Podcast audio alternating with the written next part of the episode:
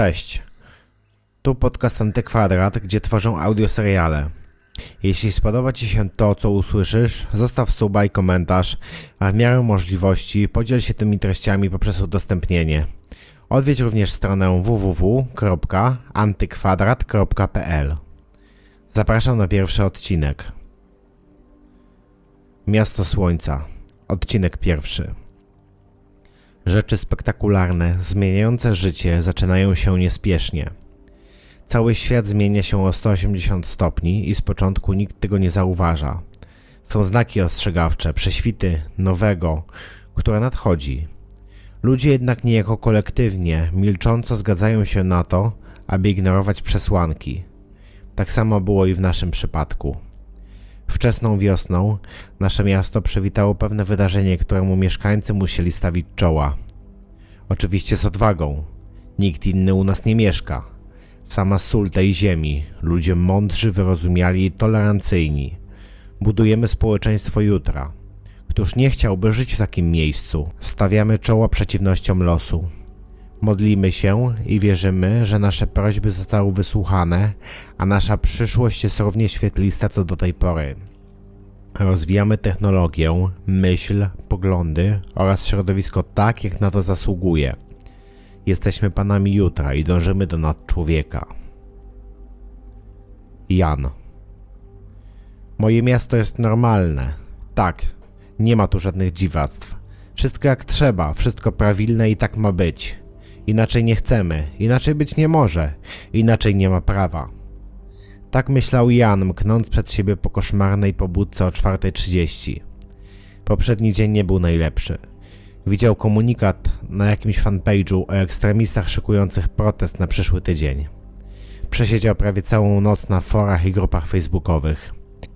Wysłał wiadomość przez Signale o tym, co znalazł. Próbował wyszukać kogoś z naszego miasta, kogo mógłby tam rozpoznać. Można zawsze złożyć im niezapowiedzianą wizytę w nocy albo w dzień. Nie ma z tym żadnego problemu. Nasza gmina wspiera takie rzeczy. Szybkie wizyty i ucieszanie ekstremistów z jednej lub z drugiej strony. Nie ma różnicy, pomyślał Jan i splunął w duchu. Nienawidził ich wszystkich, mimo że opłacały go obie strony politycznej barykady.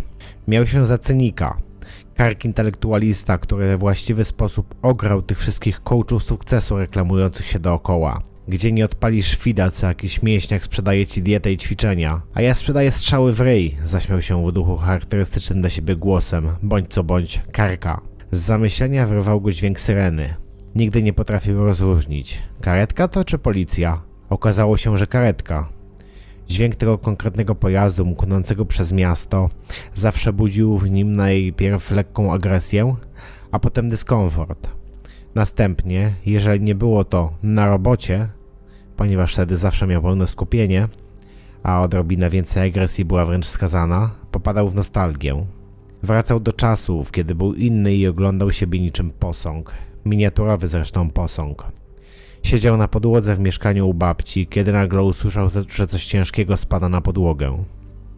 Zaciekawiony pobiegł w kierunku odgłosu. Reszta wspomnień urywała się w tym miejscu. Wszystko było mgliste i zmieszane, utopione w dźwięku nadjeżdżającej karetki. Potem już nigdy nie zobaczył nikogo ze swoich dziadków.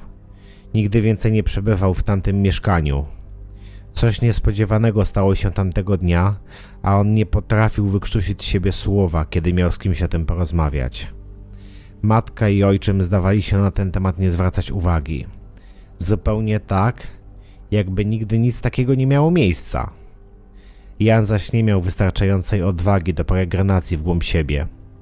Rodzice rozmawiali z nim bardziej jak z urzędnikiem państwowym, bojąc się mu powiedzieć więcej niż jest to wymagane. Zatajając fakty, grając półprawdami i przemilczeniami, zupełnie jakby gra w szachy zrobiona z emocji.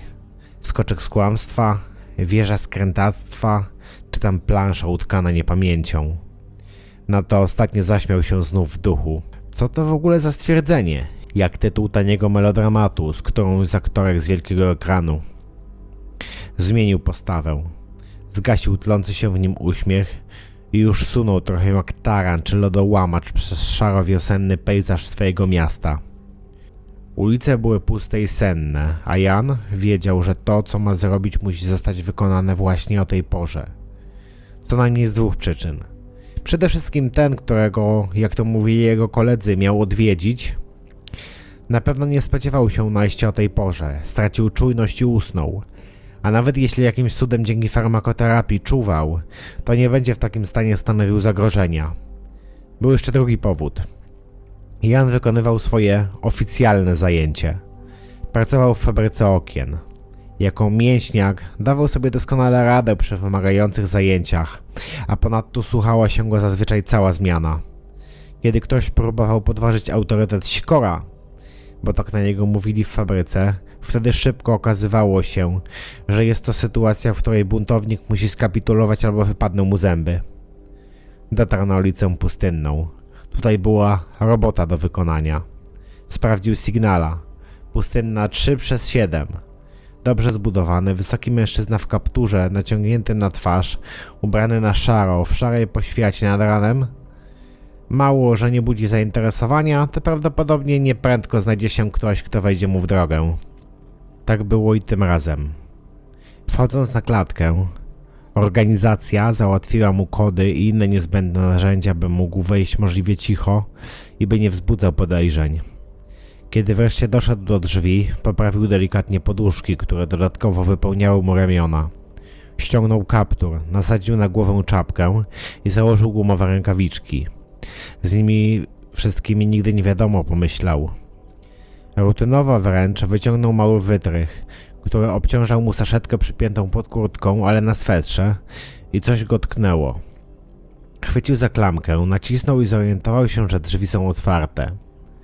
Zdenerwował się lub, jakby to ujęli chłopcy z siłki, spięło go lekko, bo zazwyczaj musiał trochę potańczyć z zamkiem, żeby wszystko było tak jak trzeba.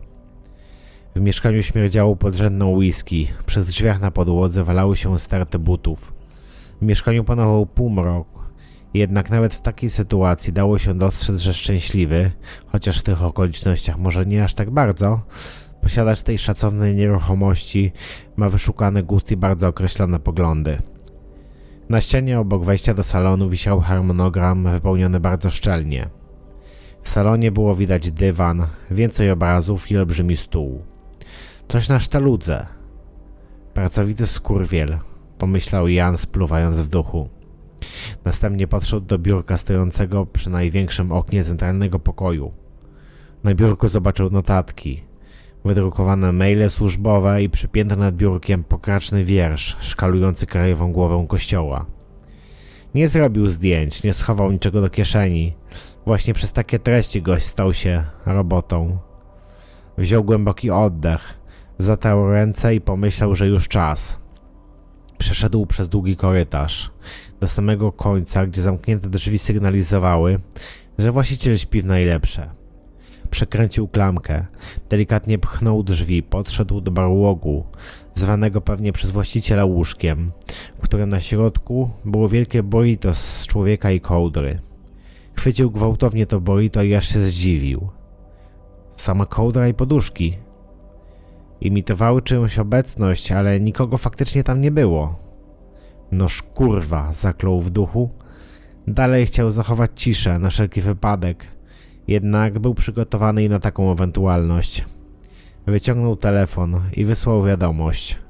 Pusto, teren czysty, robię program numer dwa. Wiadomość została natychmiast odczytana, a potem po 10 sekundach zniknęła. Osoba będąca po drugiej stronie odpisała emotką z kciukiem wzniesionym w górę.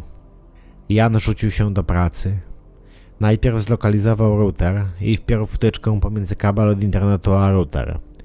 I ukrył go dość dobrze. Następnie przykleił coś po wewnętrznych stronach kontaktów w salonie, kuchni oraz obu sypialniach. Przyszedł czas na najważniejszą rzecz. Poszedł do salonu. Stojąc przy biurku, z kieszeni schowanej po wewnętrznej stronie kurtki wyciągnął kopertę. Z saszetki wyciągnął cienki nóż służący do otwierania kopert, jednak zaostrzony tak, żeby łatwo można było go wbić w różne powierzchnie.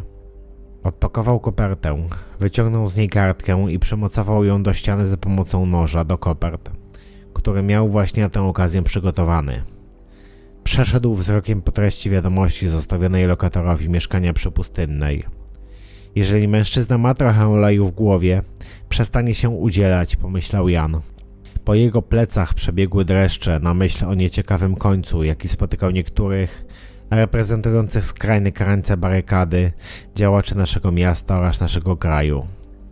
Aby nasze miasto dalej rosło w siłę i było centrum postępu, siły i mocy, musimy uciszać zarówno tych z prawej, jak i tych z lewej i z każdej innej kurwa, powiedział mu mocodawca, kiedy po raz pierwszy zjawił się na spotkaniu w robocie. Myślał o tych słowach, schodząc szybko w dół klatki schodowej ku wyjściu z bloku. Nie wiedział, dlaczego go wybrali. Nie wiedział, jak go znaleźli, skąd wiedzieli, że nie będzie krzyczał o tym na prawo i lewo. W sumie to niczego nie był pewien odnośnie tej pracy, oprócz tego, że płacą zbyt dobrze, żeby im odmówić. A ideologia? Pies z ideologią. Jeżeli nie on, to ktoś inny się tym zajmie. Jeżeli nie on zgarnie szmal i rozda go wielkopańską ręką, ktoś się zajmie tym za niego. Miasto pełne jest ludzi, którzy daliby się pokroić za fuchę, którą on trzyma. Pamięta początki w biznesie. Objaśnienie zasad przez mocodawcę. Nie mówisz co robisz i dla kogo. Swoją starą pracę zarobkową musisz wykonywać dalej. Czasem dostaniesz rozkaz spotkania się z innym robotnikiem. Nie będziesz wiedział kto to jest, ani jak wygląda. Czasem może go tam w ogóle nie być, ale musisz dążyć do spotkania.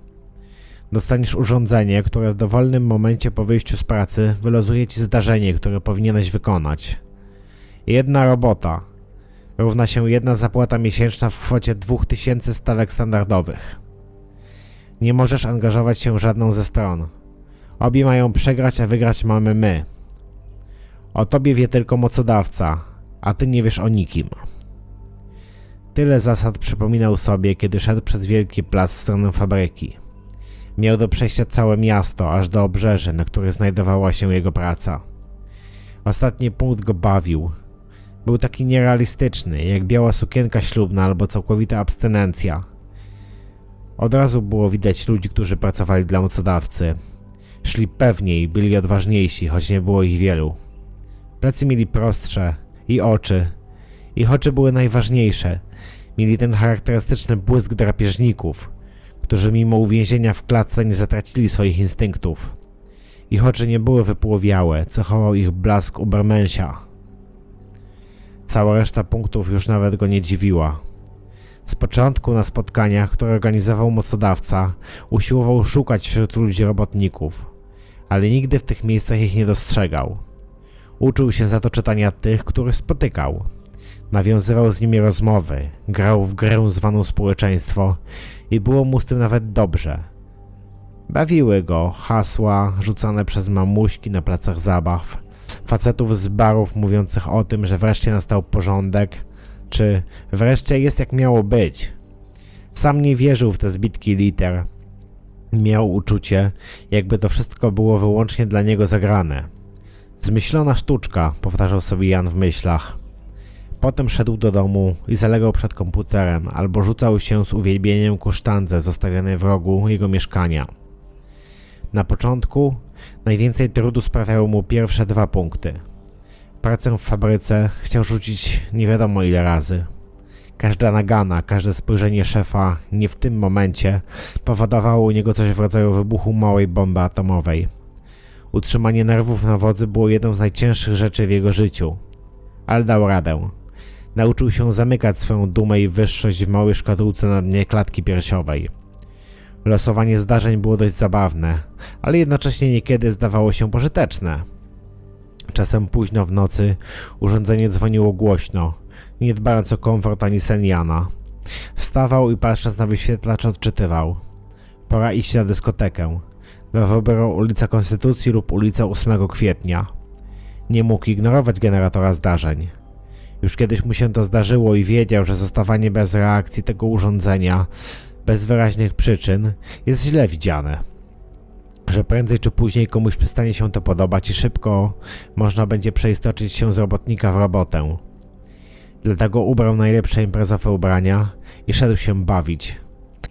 Czasem spotykał tak dziwnych ludzi, że musiał składać o nich raport. W razie gdyby kiedyś okazali się niebezpieczni dla mocodawcy. Czasem zaś bawił się tak dobrze, że mieszkanie odwiedzał tylko po to, aby wziąć prysznic, naciągnąć na siebie fabryczny uniform i ruszyć do pracy na poniewierającą dniówkę. Generator zdarzeń stał się w pewien sposób jego przyjacielem i najlepszym inicjatorem rozrywki. Powinni dać to tej gnidzie menadżerowi.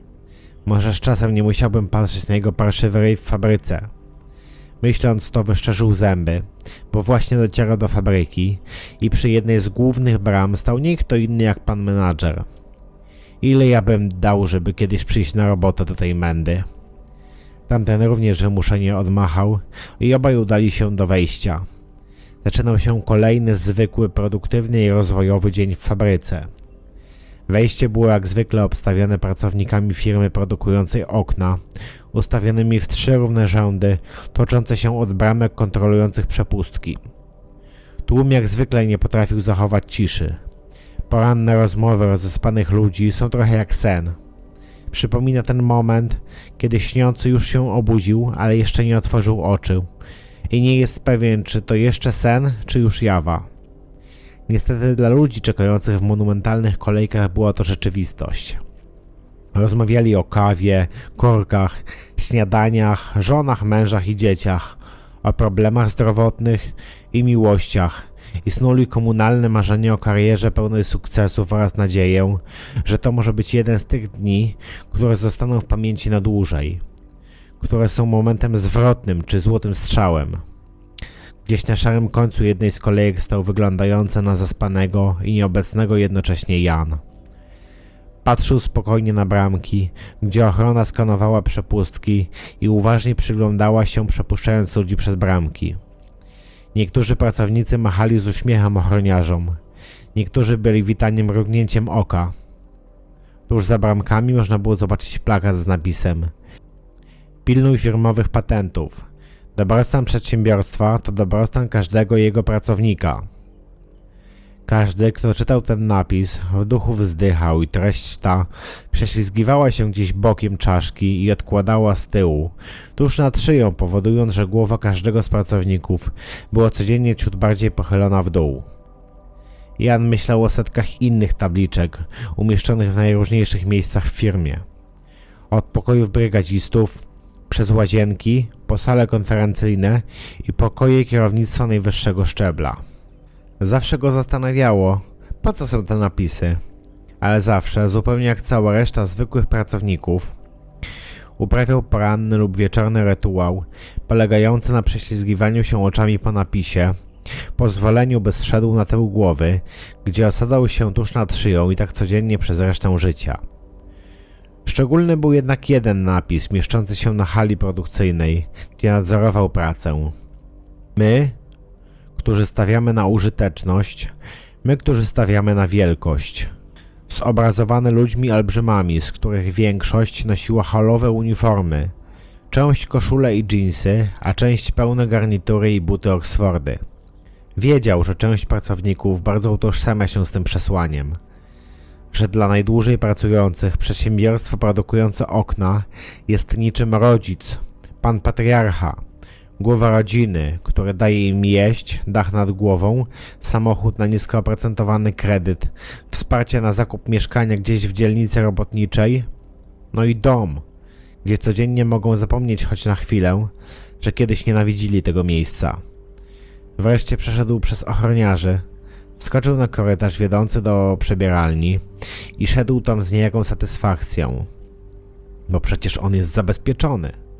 On nie będzie tu tyrał do końca życia. W pewnym momencie mocodawca awansuje go lub pozwoli mu robić tylko robotę, albo wybiją tych wszystkich skurwysynów od lewa do prawa i już jego jednostka nie będzie potrzebna? Kto wie? Myślał w ten sposób, kiedy nagle naszła go fala refleksji. Przecież dobrze rozumie, że nie wszyscy mają alternatywny sposób zarobku. Nie każdy ma siłą bić się rzeczywistością. Nie każdy wie, że można.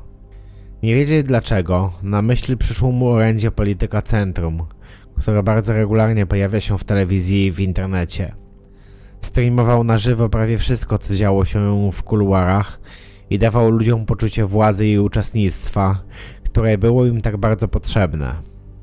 To był pierwszy człowiek w rządzie ze sportową kamerką na piersi i drugą przyczepioną do nadgarstka, chodzący tak przez cały dzień pracy w rządzie. Jego twarz przedstawiała bezpieczne nic. Seria operacji plastycznych doprowadziła do tego, że nie można było odczytać z twarzy politykiera żadnych emocji, co w jego fłachu było dość istotną umiejętnością i idealnym dopełnieniem genialnego demagoga. Ciąg jego myśli przerywał głos. Niczym zimny nóż przecinający rozgrzane do czerwoności płaty mózgowe Jana. Gdzie tak pędzisz, kowboju? Usłyszał, po czym zobaczył małą, wychudzoną blondynkę o promiennym uśmiechu, przywodzącą na myśl upalny letni dzień na skoszonym polu zboża. Była to Luiza. Nic ich nigdy nie łączyło, ale czuł do niej nieopisany sentyment, pewien rodzaj czułości, którą można dzielić tylko z kobietą i która nigdy nie będzie w żaden sposób erotyczna. Mój poranek został właśnie rozświetlony, pomyślał Jan, a kobieta właśnie zaczerpnęła powietrza, żeby zapytać: Jak się masz, Janku? Trochę nie wiedział, co odpowiedzieć, wyrwany z zasępienia, które wprawiły go plakaty. No wiesz, powiedział, ja jakoś tak zwykle, a ty? Luiza znów się uśmiechnęła i nie czekając zalała go potokiem opowieści o swoich porankach, chyba z ostatniego miesiąca. Słuchał jej i to dawało mu ciepło i nadzieję, której dawek potrzebował od dawna. W pewnym momencie zauważył, że ona czeka aż zareaguje i uświadomił sobie, że zapytała, czy nie zjedliby razem obiadu w firmowej stołówce. Kiwnął głową i przeprosił. Powiedział, że musi już iść. Są rzeczy, które mogę zrobić tylko ja, powiedział. Luiza kiwnęła entuzjastycznie głową i powiedziała: Do zobaczenia na obiedzie. Następnie chyba, wyłącznie siłą nawyku, trochę jak robot, poszedł do szatni, dopasował uniform i ruszył w kierunku taśm produkcyjnych. Na pierwszy rzut oka wszystko wydawało się zupełnie normalne. Szatnia pełna kolegów tętniła życiem jak zwykle.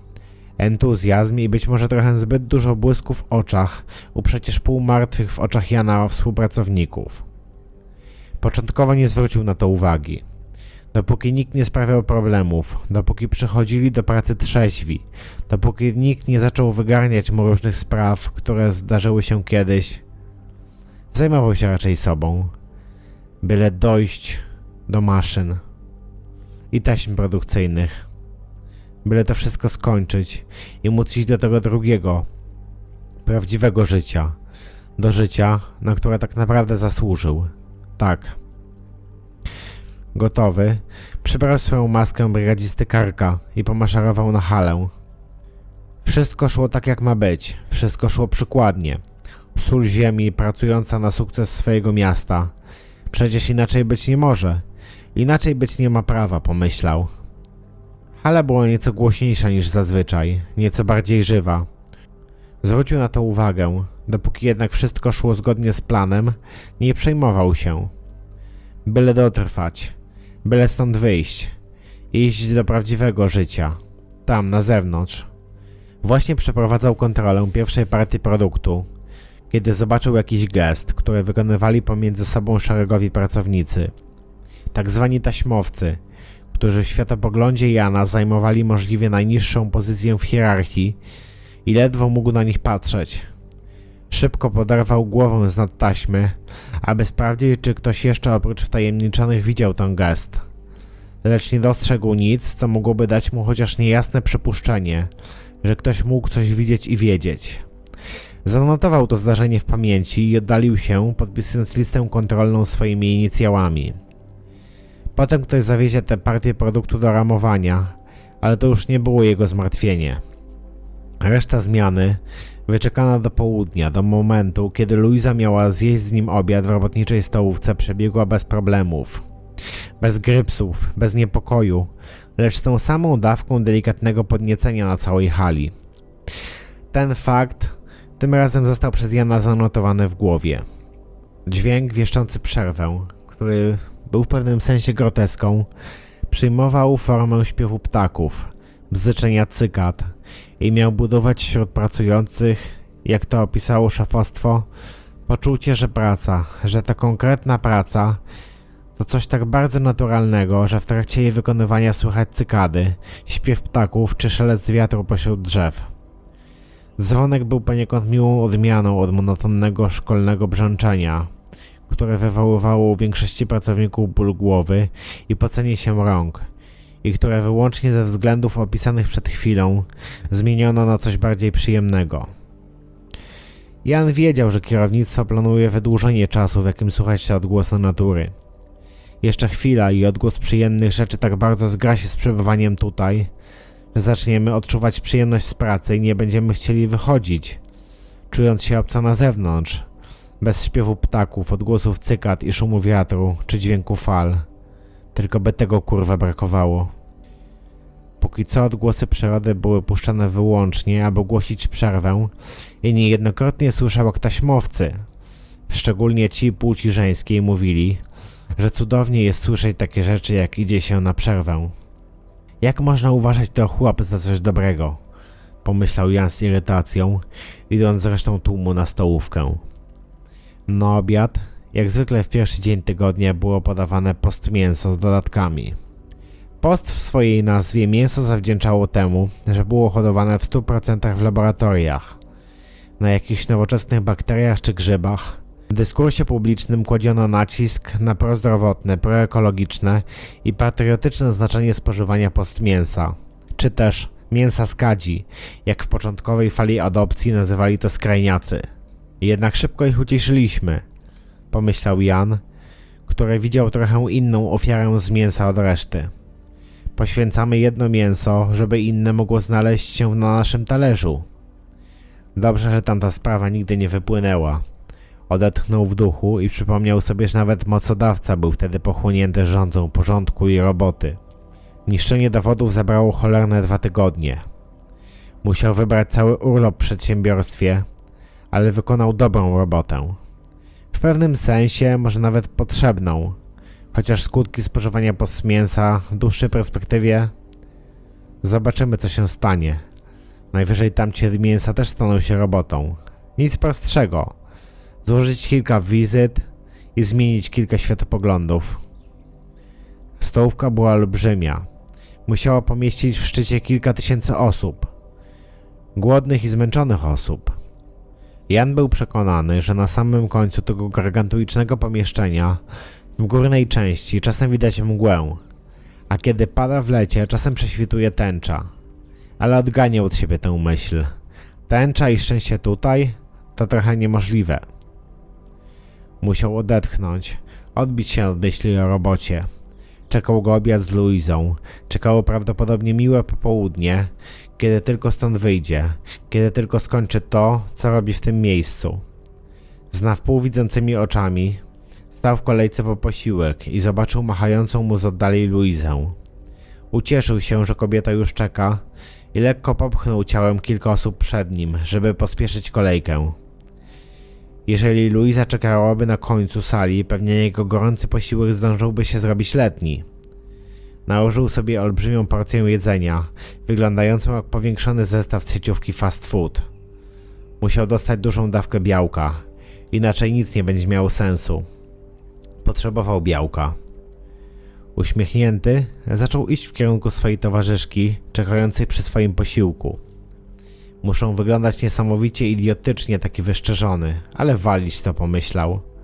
Duża ilość osób nie przeszkadzała komuś posturę Jana przecisnąć się, gdzie tylko chciał. Nagle na jego drodze stanął mały, krępy, zadowolony z siebie, a było to widać od pierwszego spojrzenia, facet. Uderzył Jana otwartą ręką w bark. Sam zainteresowany ledwo to poczuł, po czym facet krzyknął. Bratku, co ty taki zamyślony?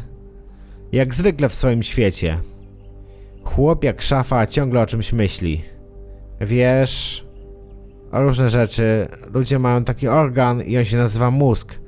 Przy odrobinie szczęścia krzychu, ten mózg nie jest zalany litrami tłuszczu jak w twoim przypadku. Odpowiedział Janek i obaj się roześmiali. Lubił Krzyśka. Facet wiedział, jak obrócić świat w taki sposób, żeby wszystko działało jak powinno.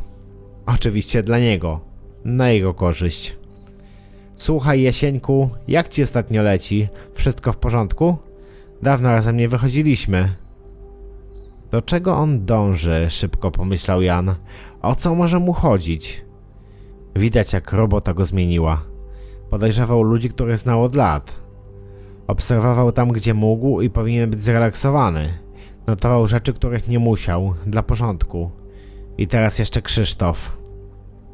Wiesz, leci mi bardzo dobrze, dużo ćwiczę. Chyba widzisz, że nie jestem ulany. Dieta, ćwiczenia, sprawy na mieście. Chcesz się kiedyś spić jak świnia? Maślany uśmiech zagościł na twarzy rozmówcy. Zaczerpnął nieproporcjonalnie duży haust powietrza i wykrzyknął. No i o to chodzi. Tak, to możemy rozmawiać. Oczywiście, ten weekend na pewno ci siedzi. Sprawdziłem w twoim grafiku. Nie masz nadgodzin i tego typu rzeczy. Resztę życia dostosujemy i się widzimy. Tam, gdzie zawsze. I chciałbym z tobą omówić kilka rzeczy, bo wiesz... Wiesz, co się dzieje na mieście teraz? Zakończył, próbując odczytać ten sam entuzjazm z twarzy Jana i jednocześnie wyraźnie oczekując potwierdzenia. Jan wiedział, nauczył się tego już dawno temu. Czasem niedopowiedzenie w rozmowie lub lekka dwuznaczność może prowadzić do pożądanej interpretacji celu i nie wiedząc co się dzieje, możesz tego po sobie nie dać poznać. Nawyk zadziałał automatycznie, bezwarunkowo. Mechanizm węż i goń aktywowany. Odpowiedział z olbrzymią dozą entuzjazmu. Banda organizuje się na manifest. To była przynęta. O tym wiedział każdy. Teraz czekał tylko na prawdziwą perłę w koronie. Krzysztof odpowiedział. Chłopie, ty ewidentnie pod kamieniem żyjesz. Tak nie może być przecież. Jest ktoś nowy i chce zrobić duże rzeczy. Trochę tutaj, rozumiesz, przebudować nam miasto. Nic nie wiesz? Zimny dreszcz przeszedł po plecach Jana. Śledzenie, włamanie, inwigilacja, robaki, AI i ciekawe co jeszcze. Jak głęboko on jest w to zamieszany. Pomyślał, robiąc minę zdziwioną, starając się mnie przepuścić spod maski niczego więcej. Ej, mordo, pierwsze słyszę.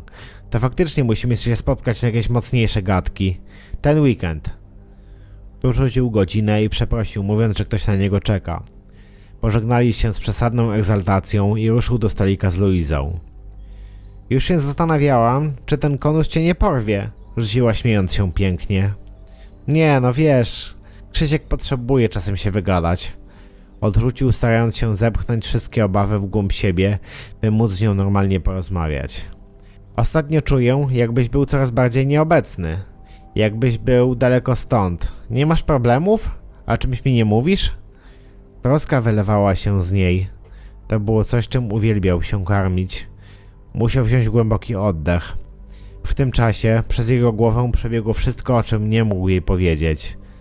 Robota, poranna wizyta w domu prominenta, zasady, Krzysiek, prawdziwe życie, inne życie, taśmowi, afera.